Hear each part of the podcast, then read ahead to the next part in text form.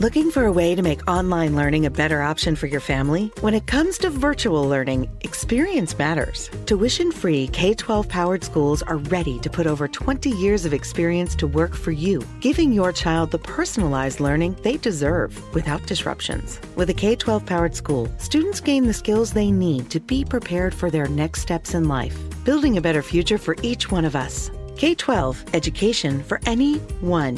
Learn more at k12.com.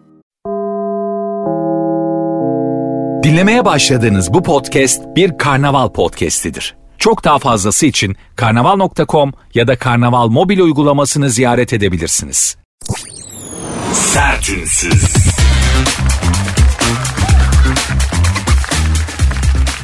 Herkese merhaba. Sert Unsuz başladı. Ben Nuri Özgül. Saat 22'ye kadar beraberiz. Şimdi yayına girerken hemen gözüme çarpan bir haber oldu. O yüzden hatta onu takip ettim. Belki bir dakika gecikmiş olabilirim.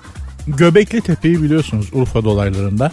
Ülkemizin en büyük hazinelerinden biri dünya tarihini değiştirdi. Yani yazılı tarih kitaplarını çöpe attı Göbekli Tepe. Çünkü ibadet, yazı, ritüeller 9000 sene daha geriye gitti. 9000 seneyle 11000 sene daha geriye gitti. Çünkü bize tarihçiler şunu söylüyorlardı. İşte insanlık ölülerini gömmeyi, toplu bir arada yaşamayı, aile hayatını, işte ritüelleri falan insanlık ritüellerini işte milattan önce bilmem kaç bin önce başladı diye anlatıyorlardı. Göbekli Tepe onların hepsini avuta çıkardı, taca attı. 11 bin sene daha geriye götürmüştü. Göbekli Tepe'den eskisi de bulunmuş. yani şöyle abi bir dakika dedik insanlar. Göbekli Tepe diye bir yer bulduk. Bizim bildiğimiz her şey aslında daha eski tarihteymiş. Tarih kitaplarını değiştirin. Adamlar tarih kitaplarını yeniden yazarlarken şimdi şey diyeceğiz. Abi pardon ya da daha eskisini bulduk. Hani eczane yanına eczane açmak gibi bir şey oldu. Göbekli Tepe'den daha eski, daha kadim bir yer çıktı. Ve daha gelişmiş bir medeniyet. Yani ben şunu söylüyorum. Ya şu uzaylılar gelse de bunu bize tane tane anlatsa. Çünkü kafamız karışıyor. Hani tam bir şey bulduk diyoruz bambaşka bir şey çıkıyor. Ya yok öyle değilmiş böyleymiş falan diyoruz. Uzaylılar gelse bunu bize tane tane bak oğlum şöyle oldu şöyle oldu şöyleydi siz şöyleydiniz sonra böyle oldu. Ölü gömmeyi biz öğrettik. yani neyse anlatsalar da kafamız pırıl pırıl olsa gerçekten insanlık çok başka bir yere doğru gidiyor. Geldiği yerin tam olarak neresi olduğunu bilemiyoruz. Gördüğünüz gibi sürekli değişiyor ama gittiği yer hiç iyi bir yer değil. Orası çok belli yani. Allah sonumuzu hayretsin. Saat 22'ye kadar beraberiz. Benim size vaadim bellidir. Saat 22'de şu anda olduğundan daha iyi hissedeceksiniz kendinizi. Günün, günlerin ve gündemin bünyenizde biriktirdiği negatifi alıp bir miktar da olsa yerine pozitif vermeye çalışacağım hanımlar beyler. Ben Nuri Özgül. Programın adı Sert Ünsüz. Instagram ve Twitter adresleri de aynı. Sert unsuz yazıp sonuna iki alt tire koyuyorsunuz. Hem Instagram'dan hem Twitter'dan sert unsuz yazıp sonuna iki alt tire koyarak bana ulaşabilirsiniz. Benim Instagram adresim de var. Nuri Ozgul 2021. Sertünsüz.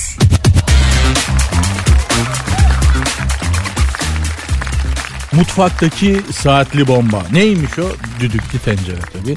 En son Başakşehir'de e, bir hastanede yanık merkezine son 10 günde düdüklü tencere patlamasında yaralanan 6 kişi başvurmuş ki gerçekten düdüklü tencere saatli bomba gibidir.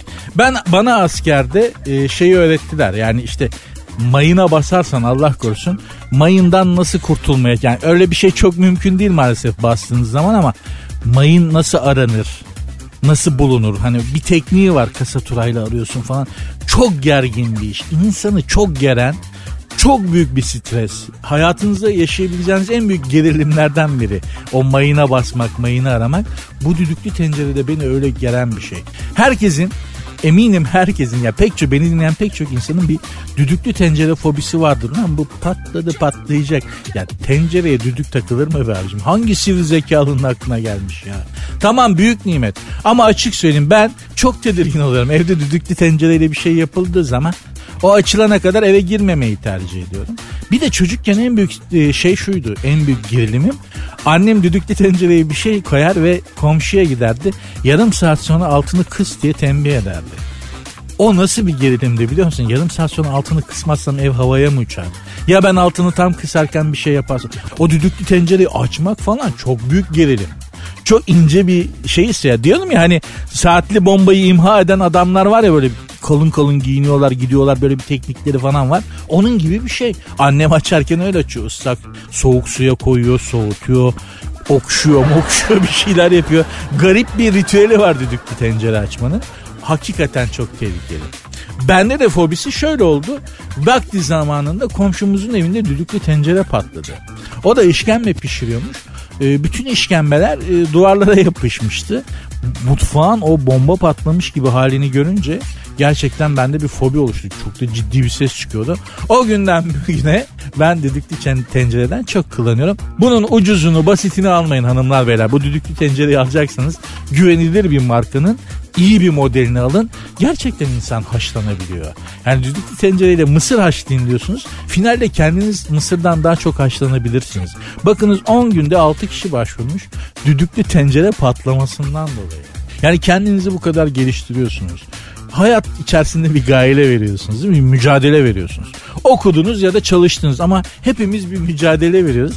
Bu mücadelenin finali düdüklü tencere patlamasıyla olmasın ne olur. Böyle bir sebepten olmasın yani. Çok dikkat edin kendine. Bu arada tencereye düdük müdükle takılmasın artık yeter. Yeter bu saatler var en gelişmiş artık teknoloji çok gelişti yani. Hani tencereyi ne bileyim aplikasyon yapsınlar cep telefonuna yüklesinler oradan şey yapalım falan ama bu tencere öttü yok açarken patladı. Geldiğimiz noktada 21. yüzyıldayız ya. Yani biz bile Türkiye bile Ay'a gitme çalışmalarına başladık hala ten, düdüklü tencerede yemek yap olmaz. Ona da bir çare bulunsun. Buradan da Elon Musk'a sesleniyorum. Saçma sapan işlerle uğraşmayı bırak şu düdüklü tencereye bir çare bul. Hadi. Sertünsüz. Bulgarların alışverişi izdihama dönüşmüş. Nerede? Edirne'de. İstanbul'da yapılan Lale Festivali kapsamında işte buraya gelen Bulgarlar Lale Festivali'ne gelmişler İstanbul'a. Dönüşte Edirne'ye uğramışlar. E, dükkanlarda yoğunluk oluşturmuş Bulgar vatandaşları Edirne'de. 153 bin nüfuslu şehirde Edirne'liden çok Bulgar varmış bir ara. Çok yoğun bir şekilde Bulgar turist gözlemlenmiş. Edirne esnafı da çok mutluymuş. Hatta bir Bulgar vatandaşı da çok şikayetçi olmuş şeyden. Ya bu Kapıkule'de tek geçiş var çok kuyruk oluyor biz mağdur oluyoruz. Halbuki Edirne'nin fiyatları Bulgaristan'dan daha uygun. Biz buraya daha sık gelip alışveriş yapmak istiyoruz. El birliğiyle arkadaşlar canım memleketimizi Bulgaristan'ın 1 milyoncu dükkanına çevir. Yani hani 1 milyoncu dükkanları vardı ya böyle milyoncu gidip 1 milyona ucuz bir şeyler alıyoruz. Türkiye Bulgarlar için böyle oldu. Maalesef yani. Adamlar biz bu adamların paralarıyla dalga geçiyorduk. Yani o kadar kıymetsizlik paraları alay ederdik alay edersin işte başına bu gelir belki. Belki şu da söylenebilir ama hani bu gelenler Bulgar yerine İngiliz olsaydı İngilizler Edirne'ye alışverişe geldi hedele ödele yapsalardı böyle tepki gösterir miydin? Bulgarların gelmesi kadar koyar mıydın? Koymazdı. Neden? Çünkü İngilizler zaten çok çok yüzyıllardır bizden ötede ekonomi olarak. Zaten adamlar e- ekonomik olarak çok iyiydi yani. Ama bu Bulgarlar bizden çok daha kötü durumda. Berbat durumdaydılar ya. Yani biz koşarken bunlar sürünemiyordu bile. Geldiğimiz durumda koskoca Türkiye adamlar için bir milyoncu dükkanı oldu. Bunun ayıbı da bize yeter. Ha esnaf çok mutluymuş. Esnaf mutludur. Çünkü esnaf için mühim olan kasaya giren para. Akşam kasada parayı sayarken yahşi tahsilat olmuş mu olmamış mı? Hasılat nasıl? Esnaf buna bakar. Bulgar mı geldi? İlk Papua Yeni Gineli mi geldi? Esnaf buna bakmaz. Doğrudur da adam ticaret ehli. Para nereden geliyorsa o oraya adapte olur ama bizim için kötü bir şey. Maalesef yani. Tam tersi olması gerekirdi. Bizim Bulgaristan'a gidip ucuz ucuz alışveriş yapmamız gerekiyordu. Değil mi? Ya buralar çok ucuz. E, Bulgar'a gidelim de bir şeyler alalım falan dememiz gerekmiyor mu? 80 milyonluk koca bir kitleyiz. Ben 50 yaşındayım. Hala aynı noktada olmamız biraz tuhaf değil mi ya? Ya babam 80 yaşına yaklaşıyor. Babam için de aynı şey. Türkiye hala aynı noktada. Ne acayip ya. Değişen bir şey yok. Yani tamam hani yollarımız güzelleşti. Yüksek yüksek binalar diktik. E başka? Kendi silahımızı da üretiyoruz. Süper. Başka? Yok aynı şekilde alçak sürünmeye devam. Bana çok koydu açıkçası. Yani Türkiye'nin bu Bulgarların bir milyoncu dükkanına dönmüş olması benim canımı nedense çok yakıyor. Sizinkini bilmiyorum ama fikrinizi merak ediyorum. bana yazarsanız sevinirim. Sert unsuz yazıp sonuna iki alt tire koyuyorsunuz. Benim Instagram adresim de Nuri Ozgul 2021. Şu MTV ödemenin kolay bir yolu yok. Haydi şimdi Akbank. Akbank Mobil'den kolayca ödeyebilirsin. Sen de hemen mobilden Akbank'la ol, motorlu taşıt vergilerini mobilden kolayca öde. Detaylı bilgi akbank.com'da. Mobilin bankası Akbank.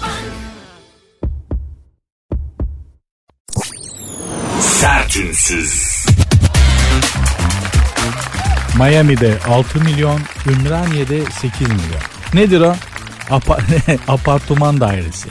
Şöyle düşünün hanımlar beyler karşılaştırın emlak fiyatlarını karşılaştırıyoruz şu anda. Miami'de müstakil bir ev 3 odası, 3 banyosu ve bahçesi var. Amerika'da Miami'de denizin kenarında böyle 3 odası 3 banyosu var. 170 mek- metrekare otoparkı var kendi otoparkı falan. 6 milyon liracık. Ümraniye'de 2 artı bir daire 8 milyon lira. Ma- Miami'yi neredeyse çeyrek katlamış. Miami'de bir evden daha pahalı artık Ümraniye'de bir apartman dairesi. Ayrıca Ümraniye, Esenler, Atış Alanı gibi yerlerde de artık uçmuş daireler 6 milyon 8 milyon. Ümraniye'de 8 milyon para verip 2 artı bir apartman dairesi aldığın fiyata Miami'de 2 tane 2 artı bir çok güzel müstakil alabiliyorsun. Ümraniye'nin geldiği yerle artık gurur duyabilir miyiz? Değil mi? Eskiden buralara taşındığın zaman eyvah ben toplumsal statü olarak düştüm derdin yani. Hani Ümraniye'de mi oturuyorsun ya? Ha, Ümraniye'de oturan bir artık fakir, gece konducu. İşte İstanbul'a yeni gelmiş falan sayılırdı eskiden. Öyleydi yani. Öyle bakılır. Esenler, atış alanı. Buralarda oturan insanlar işte yeni gelmiş, gelir düzeyi daha düşük falan gibi görülürdü. Şimdi ya Esenyurt'a Esenciles diyorlar. Los Angeles'tan daha havalı kardeşim. Üstelik Ümraniye'de bir daire fiyatının 8 milyon olması ve Miami'den daha pahalı olması çok mantıklı. Çünkü Ümraniye daha eğlenceli, daha actionlı bir yer. Yani her an bir mafya çatışmasının arasında kalabilirsin. Her an biri yoldan geçerken sana omuz atıp kavga çıkabilir. Gaspa uğrayabilirsin. Çok eğlenceli. Yani action bitmez Ümraniye'de. Ama Miami'de ne gelecek başına en fazla yanlışlıkla Bang Bros stüdyoya girersin. Hani bir yere kafeye mafyaya gireyim derken. Değil mi? Bang Bros stüdyoya girersen başına orada belki bir şeyler gelebilir. Onlardan da hoşlanma ihtimalin var. Yani o kadar ama Ümraniye'de action bitmez. Yoga salonundan çıkıp silahlı çatışma arasında kalmış insanım yani. Hangi semtte olduğunu söylememiştir bu. Esenyurt atış alanı Ümraniye üçgeninde e, şey çiğ köfteci açmak için bir yeri kiralamak istiyormuş iki farklı mafya grubu da. Biz de yoga salonundan çıkmıştık. Tak tak tak falan silahlar patladı. Şimdi Amerika'da böyle bir eğlence var mı? Böyle valla insan kendine geliyor ya. Böyle bir uyuşukluğu atıyorsun. Oh be diyorsun. Kendime geldim bir şey oldum dirildim diyorsun. Bir heyecan yaşadım diyorsun. Dolayısıyla Ümraniye'de bir dairenin 8 milyon olması çok mantıklı. Çünkü hayat daha renkli. Her şey var. Her şey var. Mesela işte ne bileyim Eda Taşpınar artık Meksika'ya gidiyor ya Cancun'a gidiyor. Yunan adalarına gidiyor. İşte efendim Şeyma Subaşı Ibiza'ya gidiyor falan böyle.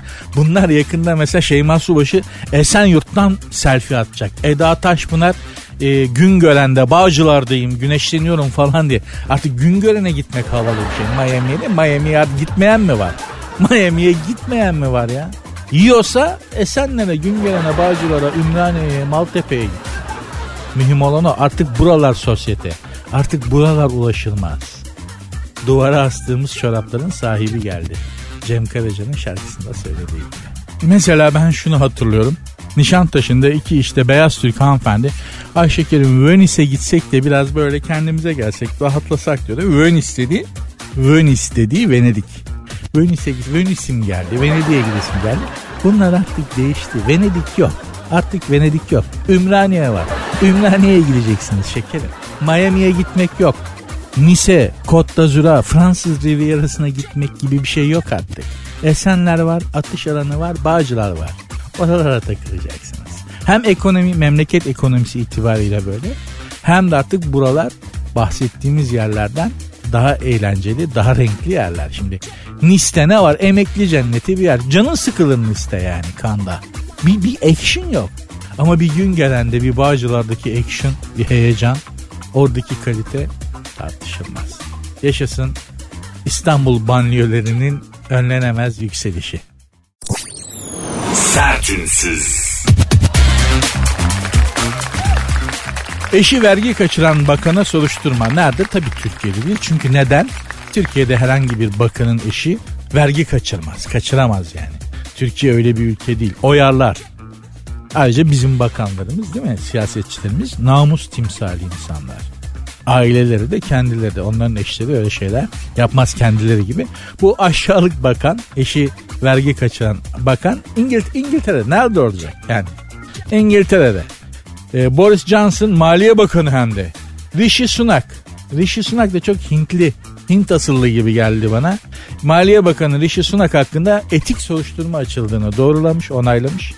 Bakan Sunak bir süredir Hint asıllı zengin eşi Akshata Murthy'nin ikametini yurt dışında göstererek 20 milyon sterlin vergi kaçırdığının ortaya çıkmasıyla gündeme oturmuştu. Ne var bu? Yani hani ben bu yaşıma geldim daha bir siyasetçi için yolsuzluk soruşturması açıldığını hele görev başındayken yani aktif siyasetteyken e, hele kabinede görevliyse Türkiye'de hiç duymadım bilmiyorum. Hatırlamıyorum var mı yani? Varsa da intikam içindir yani hani bir iktidar değişmiştir. Bir önceki iktidarda gıcık oldukları bir bakan vardır.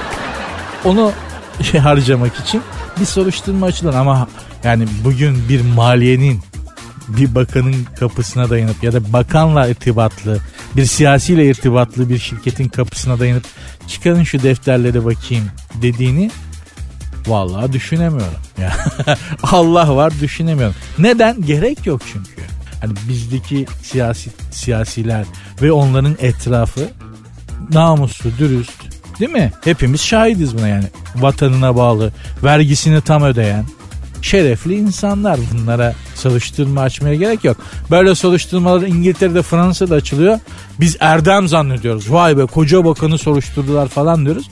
Orada bakanlar şerefsiz olma ihtimali var. Bizde yok. Bizde soruşturma o yüzden açılıyor. Tertemiz, namuslu, görevine sadık, hiç kimseyi nemalandırmayan, hiç kimseye böyle ihale mihale falan hani yakın çevreme dağıtayım. Değil mi? Hani böyle şeyler bizim e, siyasetçilerimizde, kabinemizde asla olmadığı için bizde böyle soruşturmalar da açılmıyor. Olsa biz de açarız. Yok. Yok çıkmıyor. Hepsi dürüst, tertemiz, şeker gibi pırıl pırıl insanlar. Allah da yokluklarını göstermesin, eksikliklerini ki göstermiyor. Yani ülkede sol da iktidara gelse, sağ da iktidara gelse tertemiz insanlar. Allah yollarını açık etsin. Ne güzel, ne güzel. ne güzel ya. Valla. Sertünsüz. Utkucan diye bir e, arkadaştan bahsetmiştim. Arkadaş değil tabii yani. Hani böyle bir tiple ben arkadaş olamam ama e, bir otopark çıkışında yolunu kapatan bir kadın sürücüyle polemiğe girmiş. Bu da araba kullanıyormuş. Kadıncağızın arabasında çocuk da var. İşte kadının arabasının dikiz aynasını kırmış, bağırmış, taciz etmiş arabayla falan filan. Sonuçta tabii bu kahraman Türk polisimiz e, hemen anında ez- enseledi. Neden? Çünkü sosyal medyaya düşünce çok da tepki olunca polis ister istemez müdahale etmek zorunda kaldı. Yoksa hani o kadar meşgul daha büyük olaylarla o kadar meşgul bir polisimiz var ki sizin benim gibi insanların sorunlarıyla hani çok fazla şey olamıyorlar. En azından benim yaşadığım tecrübe öyle bugüne kadar. Polisle aramda geçen tecrübe böyle. Ama e, sosyal medyaya düşünce mesela bugün de sabah haberlerde gördüm arkadaşlar. Bir adamın cep telefonunu arabayla geçen bir gaspçı durup gasp etmiş. Arabaya binmiş. Adam da telefonunu kaptırmamak için arabaya atlamış. Ada, gaspçıların da elinde silah varmış. Silahla adamın kabzasıyla adamın alnına vurup yarmışlar. Bu sırada adamın eşi hanımefendi Osmanlı bir kadın ki bir yerden sopa bulmuş arabaya vurmaya başlamış. Bırakın kocamı bırakın kocamı. Yanında çocuğu da var. Düşünün ve arabanın içer- içerisinde silahlı gaspçılar var. Neyse kadıncağız kapıyı açmışken araba gazlıyor kadın kapıyı gene bırakmıyor ve arabanın peşinde bir süre sürükleniyor kadıncağız falan. Böyle bir haberde polisimiz hemen yakalamış. Çünkü olay sosyal medyaya düştüğü için normalde bunun şeyi olur yani prosedür olur. Neredeydiniz? Kim neden silahlı adamların olduğu arabaya bindin falan hani. Anladın mı? İhaleyi sana yıkma. bir an önce falan bu dosyayı kapatma gibi. Enteresan yöntemler varken iş sosyal medyaya düşünce ister istemez çok da tepki alınca yakalamak zorunda kalıyorlar sağ olsunlar. Allah yokluklarını göstermesinler. Yakalıyor polis yakalıyor. Ben size söylüyorum dünyada hiçbir polis teşkilatı bizim polisimiz gibi değildir. Yakalamak istediği zaman yakalar şak diye yakalar. Eliyle koymuş gibi bulur yani. Anlatabiliyor muyum? Çünkü memleketin üçte biri de gizli polis olduğu için yani e- eskiden beri yani. Hemen bulur bizim polis. Türk polisi yakalar. Bu böyle dünyanın her yerinde bilinen bir şeydir emniyet teşkilatlarında. Türk polisi yakalar ama istediği zaman yakalar yani. Öyle bir durum var. Neyse Utkucan'ı da tabii hemen enselemişler. Kadıncağızı taciz etmişti. Arabasıyla aynasını kırmış falan. Sonuç cezası ne? İçinde küçük çocuğu olan bir arabada bir kadının arabasını aynasını kırmak, onu taciz etmek trafikte. Bunun cezası ne? Ehliyetine iki ay el koymuşlar. Bakın başka bir haber daha. Muğla'da bir adam bir kadıncağızı bir varile koyup yakmış. Varile varile kadını koyup yakmış. Ve mahkemenin 11. duruşması yapılmış.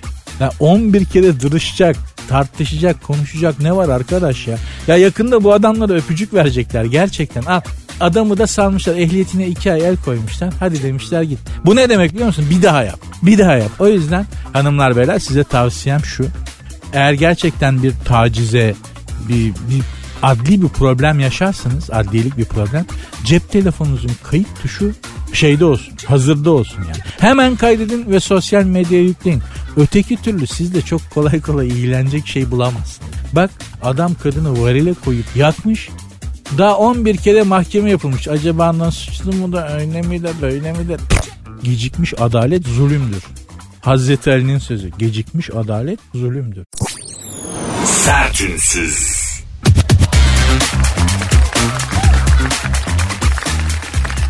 UFO görmek hanımlar beyler sertünsüz devam ediyor. UFO görmek kalbi yoruyormuş. ABD Savunma Bakanlığı UFO hakkındaki 1574 sayfalık gizli belgeleri yayınlamış. UFO görenlerin yaşayabileceği sorunlar şunlarmış. Baş ağrısı, kalp ve uyku bozuklukları, e, burun kanaması, saç dökülmesi, vücut yanıkları gibi biyolojik yan etkileri varmış UFO görmenin. Ben e, şuna takılıyorum her zaman. Bu UFO do- dosyalarını çok incelemiştim bir dönem. Gerçekten kafayı takmıştım bu UFO işlerine. Ve bir uçan daire görmeyi çok istiyordum. Olmadı. Göremedik.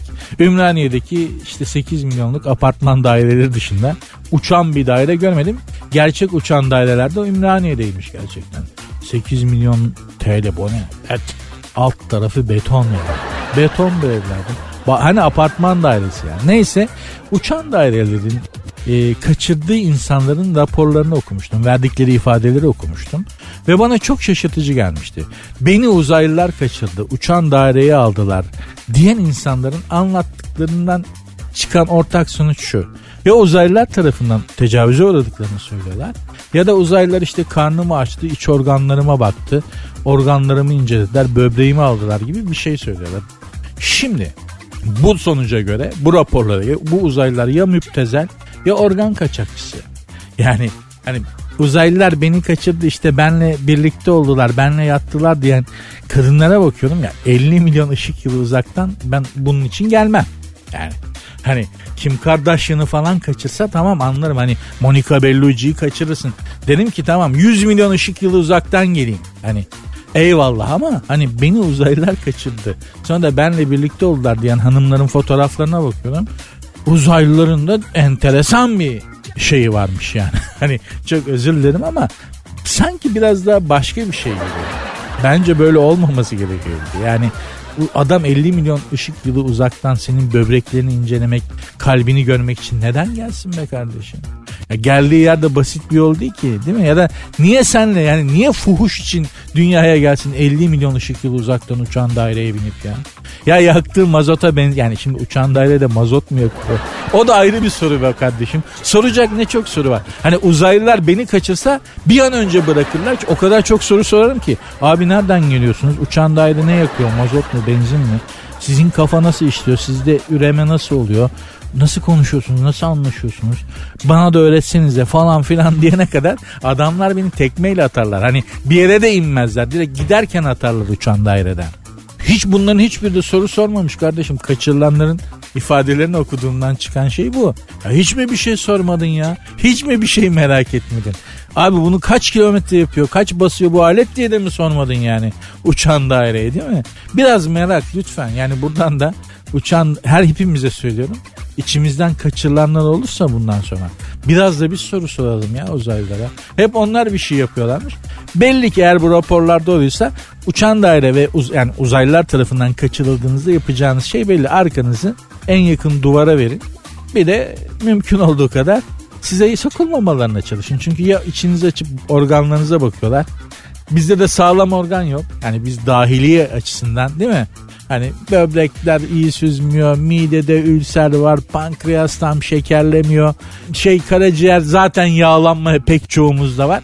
Uzaylı bizim organları ne yapacak? Biz bizden bir tane organ alıp kendine taksa ölür zaten yani. Uzaylı iptal olur. Bizim organların hepsi hasta hemen hemen. Geriye kala kala işte benle birlikte oldular, benle yattılar diyenlerin erkek kadın hem de şeyi var raporları var arkamızı bir duvara sağlam vereceğiz belli ki başka bir şey yok kaçırıldınca alınacak başka bir tedbir yok ama lütfen yani kaçırılanlar olursa soru sorsunlar biraz ya. Ya hiç ben şunu sordum bana bunu dediler diyen bir kişi yok. Dolayısıyla da ortak bir karar alalım.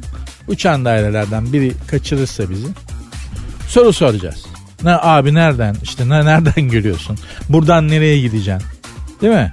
Kaç yapıyor alet? Siz nasıl anlaşıyorsunuz? Nasıl ürüyorsunuz? Nasıl anlaşıyorsunuz? Hangi dili konuşuyorsunuz? Neden geliyorsunuz? Biraz merak lütfen ya. Lütfen. Sertünsüz. Bugün de haberler hep emlak piyasasından açıldı. Bu ikinci emlak piyasası haberi. 11 katına satıyormuş. Amerikalı bir oyuncu Mark Wahlberg Los Angeles'taki 6 dönüm arazi üzerinde bulunan 12 yatak odalı 20 banyolu malikanesini 90 milyon dolara satışa çıkarmış ki sen aşiret çocuğu musun? A evladım 12 yatak odalı 20 banyolu evi alıp ne yapacaksın? Hani oturayım yatırım için alıyorsan eyvallah. Zaten buna bir şey söylenmez ama ya oturayım diye alıyorsan oğlum onun o evin ne temizliği biter. Ne ısıtması doğru düz ısıtabilirsin. Şimdi bu da bir malikane bunu saydık da dış cephe mantolama da yaptıramazsın. Yani biz Vatikan'a gittik San Pietro'da dondum ya kışın. Dondum. Yani şimdi ama adam da haklı papa da haklı yani.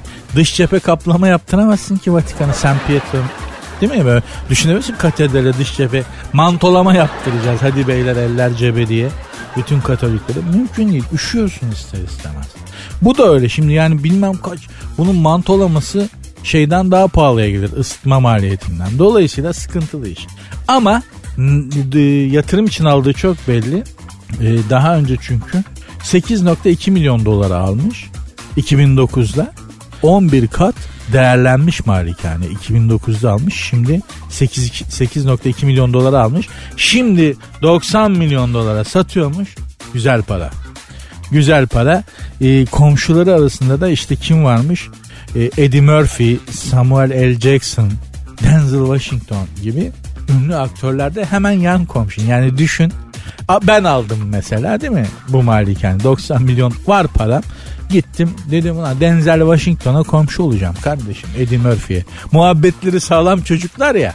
Güzel komşuluk olur diye gittim aldım malikaneyi. Yaptım güzel tavuk kanadı billur. Attım mangala böyle fış fış fış yaktım. Bir tabak yapıyorsun götürüyorsun. Kokmuştur Denzel abi diye Denzel Washington'ın kapısını çalıyorsun. Ha what? Abi mangal yaptım da kokmuştur buyur bir tabak yaptım afiyet olsun Denzel abi. Buyur beraber yiyelim diye böyle. Düşünsene Eddie Murphy ben Denzel Washington şeyde havuzun başında tavuk kanat yapıyoruz. Eddie Murphy de arıza hadi oğlum kanatlar olmadı mı daha burada diye arıza yapıyor falan. Güzel bir hayat. Allah Allah da parası olanlara böyle keyif vermiyor. Anlatabiliyor muyum? Ben de olsa böyle yaparım yani. Eddie Murphy, Denzel Washington'a komşu olurum. Onları da kafalarım. Tavuk kanat yaparız. Güzel. Değil mi? Tavla öğretirim. Eddie Murphy. Okey oynarız falan. Şimdi böyle çok bunu yapabilecek çapta adamları yapıyorlar mı? Yapmıyorlar. Allah biliyor da vermiyor demek ki. Sertünsüz. Elon Musk Twitter'ın yönetim kurulundan çekiliyormuş. Twitter'ın bir kısım hissesine sahipti biliyorsunuz. Yönetim kurulunu artık demiş bırakıyorum demiş aman demiş öf demiş. Yıldı adam ya vallahi bak yıldı yani. Bu kadar servetim olsa 200 milyon dolar civarında 200 milyar dolar civarında serveti var babanın. Bir gün iş yaparsam bak şu bardağı alıp şuradan şuraya koyarsam o kadar yani adam değilim. Hiç kimse beni çalıştıramaz. Hiç kimse. Hiç kimse bana hiçbir şey yaptıramaz ya. Adam hala yırtınıyor ya. Hala hasılat peşinde. Hala tahsilat peşinde adam ya. İlla da uzaya adam göndereceğim. Oraya adam gönder. Ben markete alışveriş dışında adam yollarsam başka bir yere adam değilim. O kadar param olsa. Bu adam bu çocukcağız hala yırtınıyor. Yok uzaya uydu yollayacağım. Yok onu yapacağım. Yok bunu yapacağım diye. Çok değişik zihniyetler var. Bak Twitter'ın yönetim kurulundan çekilmiş. O da yorulmaya başladı. Yaş ilerledi ya. Gençken hiç yorulmayacakmışsın gibi geliyor. Ya bu yaptığım şeyi yaşlanınca da yaparım ya nedir yani alt tarafı işte oturup yazı yazıyorsun radyoda konuşuyorsun falan hani mikrofona konuşuyorsun falan filan diyorsun. O iş öyle olmuyor. Ya bir şekilde yılıyorsun artık. Hayat seni yavaş yavaş taca doğru itiyor sen istemesen bile. Bak Elon Twitter'ın Elon Musk Twitter'ın yönetim kurulu şeyini bırakmış. Aman demiş. Zaten Twitter saçma sapan bir yer. Hayatta hiçbir şey olamamış. Fikrin hiçbir kıymeti olmayan insanların kendine kıymet atfetmek, değer affetmek, atfetmek için saçmaladıkları bir yere döndü Twitter'ı zaten. Normal şartlar altında hani hiçbir şey sormayacaksın, hiçbir şey danışmayacaksın adam Twitter'a bir şeyler yazınca dikkate alınır oldu ya. Yani Twitter öyle bir yer oldu. Bak Elon Musk aman demiş saçma sapan boş beleşlerle mi uğraşacağım be Öf. deyip Twitter'ın yönetim kurulunu bırakmış helal olsun. Ben kendisine bir gün toplatmasını SGK'dan artık bu emekli sandığından mı nereden Bağkur'dan mı bilmiyorum. Bir gün toplat bir bak bakalım emekli oldun mu yani ilan. Çünkü artık bizim abi dinlenmemiz vitesi yavaş yavaş boşalıp bir şezlong bulup bir yerde güneşte böyle oh dinlenmemiz lazım ilancım. Bizim yaşlar artık bu yaşlar. Yani senin ne işin var abi Twitter'la Twitter'la. Öf be abi. Vallahi. Ve ben düşünürken yolluyorum. Bu adamlar çalışmaktan yorulmuyorlar. Çok değişik geliyor bana. Bu arada tanıdığım patronlarımın hepsi çok varlıklı adamlardı. Yani çok büyük iş adamlarıydı. Hep öyle insanlarla çalıştım iş hayatım boyunca. Enteresandır. Ne kadar paraları ol, olsa da hepsi ya SGK'lıydı ya Bağkur'luydu. Yani hepsi yönettiği şirkette ya çalışan gözüküyordu ya da Bağkur'dan mutlaka sigortalı oluyorlardı en yüksekten. Pek çoğu da bizim primleri en düşükten gösterip ödüyordu sağ olsunlar ama kendi primlerini en yüksekten öderlerdi. E patron olmak da değil mi? Böyle bir şey işte. Yapacak bir şey yok. Sertünsüz. Kapadokya'da ön balayı kimmiş? Özcan Deniz'le Samar Dadgar tatil için Kapadokya'ya gitmiş. Ee, Deniz nişanlısına Asmalı Konak dizisinin çekildiği konağı da göstermiş. Ee, bir ön balayı yapmışlar. Ön balayı ne ya ön görüşme gibi? Bu yeni mi çıktı? Ben bundan haberim yok. Ön balayı. Ön görüşme gibi, ön muhasebe gibi. Ön balayı ne? Yani bir bakalım oluyor mu? Güzel tıngırdıyorsak gerçek balayına geçeriz fazla masraf yapmadan. Şimdi Kapadokya'da böyle 3 yıldızlı otelde bir ön balayı yapalım. Güzel oluyorsa Maldivlere Maldivlere falan Bali adasına gider. Sağlam bu nasıl bir şey ya? İnsanlık nereye gidiyor? Bunda Özcan Deniz'in suçu yoktur. Bu magazin haberini yapan arkadaşın zevzekliği ayrı konu da. Ama gerçekten de magazin dili için ayrı bir sözlük çıkarmam lazım. Yani e, ünlü yıldız bilmem nereden çıkarken görüntülendi. Kar adamı yeti sanki canlandı. Kameralara yakalandı. Kuş mu lan bu? Ön balayı yaptılar falan filan gibi. Saçma sapan bir magazin dili var. Bunlara kafa yormak en azından işte ayçiçek yağı kaç para oldu? Dolar ne kadara çıktı? Ev kirası ne kadar olacak gibi şeyleri düşünmekten daha iyi. Sizi daha az mutsuz eder ya da hiç mutsuz etmez. Dolayısıyla son zamanlarda magazine sığının hanımlar beyler. Ben size dün de söyledim bugün de söyleyeyim. Eğer vaktiniz oluyorsa gündüzleri Müge Anlı ile Seda Sayan'ın sabah programları var. Onları seyredin kafa pırıl pırıl. Hiç ne de gam ne kasavet ne bir şey. Valla o kadar güzel akünün suyu boşalıyor ki.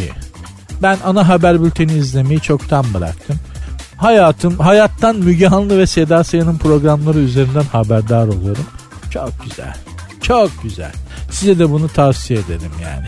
Bunca zaman hayata, memleketin istikbaline dair, hayata dair ne olacağız, ne olacak, ülkem ne olacak. Hep bunlara kafa yorduk gerçekten bir şekilde. Hiçbir şey değişmedi. Bundan sonra benim olayım Seda Sayan'daki o kısa sakallı olanla çaçoron kız evlenecek mi evlenmeyecek mi? Ee, bir de Müge Anlı'daki tuhaf garip cinayetler şunlar bunlar kız kaçırmalar hırsızlıklar şunlar bunlar. Yeminle hayat daha güzel. En azından canınız sıkılmıyor. Bünye eskimiyor yani. Hanımlar beyler bugünlük bu şekilde sertinsiz'i bağlar başı yapmak isterim. Size veda ediyorum bugünlük. Eğer patron falan dinlemediyse bizim Burak Canberk falan yarın gene program yaparım. İnşallah diye düşünüyorum. Bana ulaşmak isterseniz de çok kolay. Sert unsuz yazıp sonuna iki alt tire koyuyorsunuz. Hem Instagram'dan hem Twitter'dan ulaşabilirsiniz. Benim Instagram adresim de var. Nuri Ozgul 2021. Görüşmek üzere. Dinlemiş olduğunuz bu podcast bir karnaval podcastidir. Çok daha fazlası için karnaval.com ya da karnaval mobil uygulamasını ziyaret edebilirsiniz.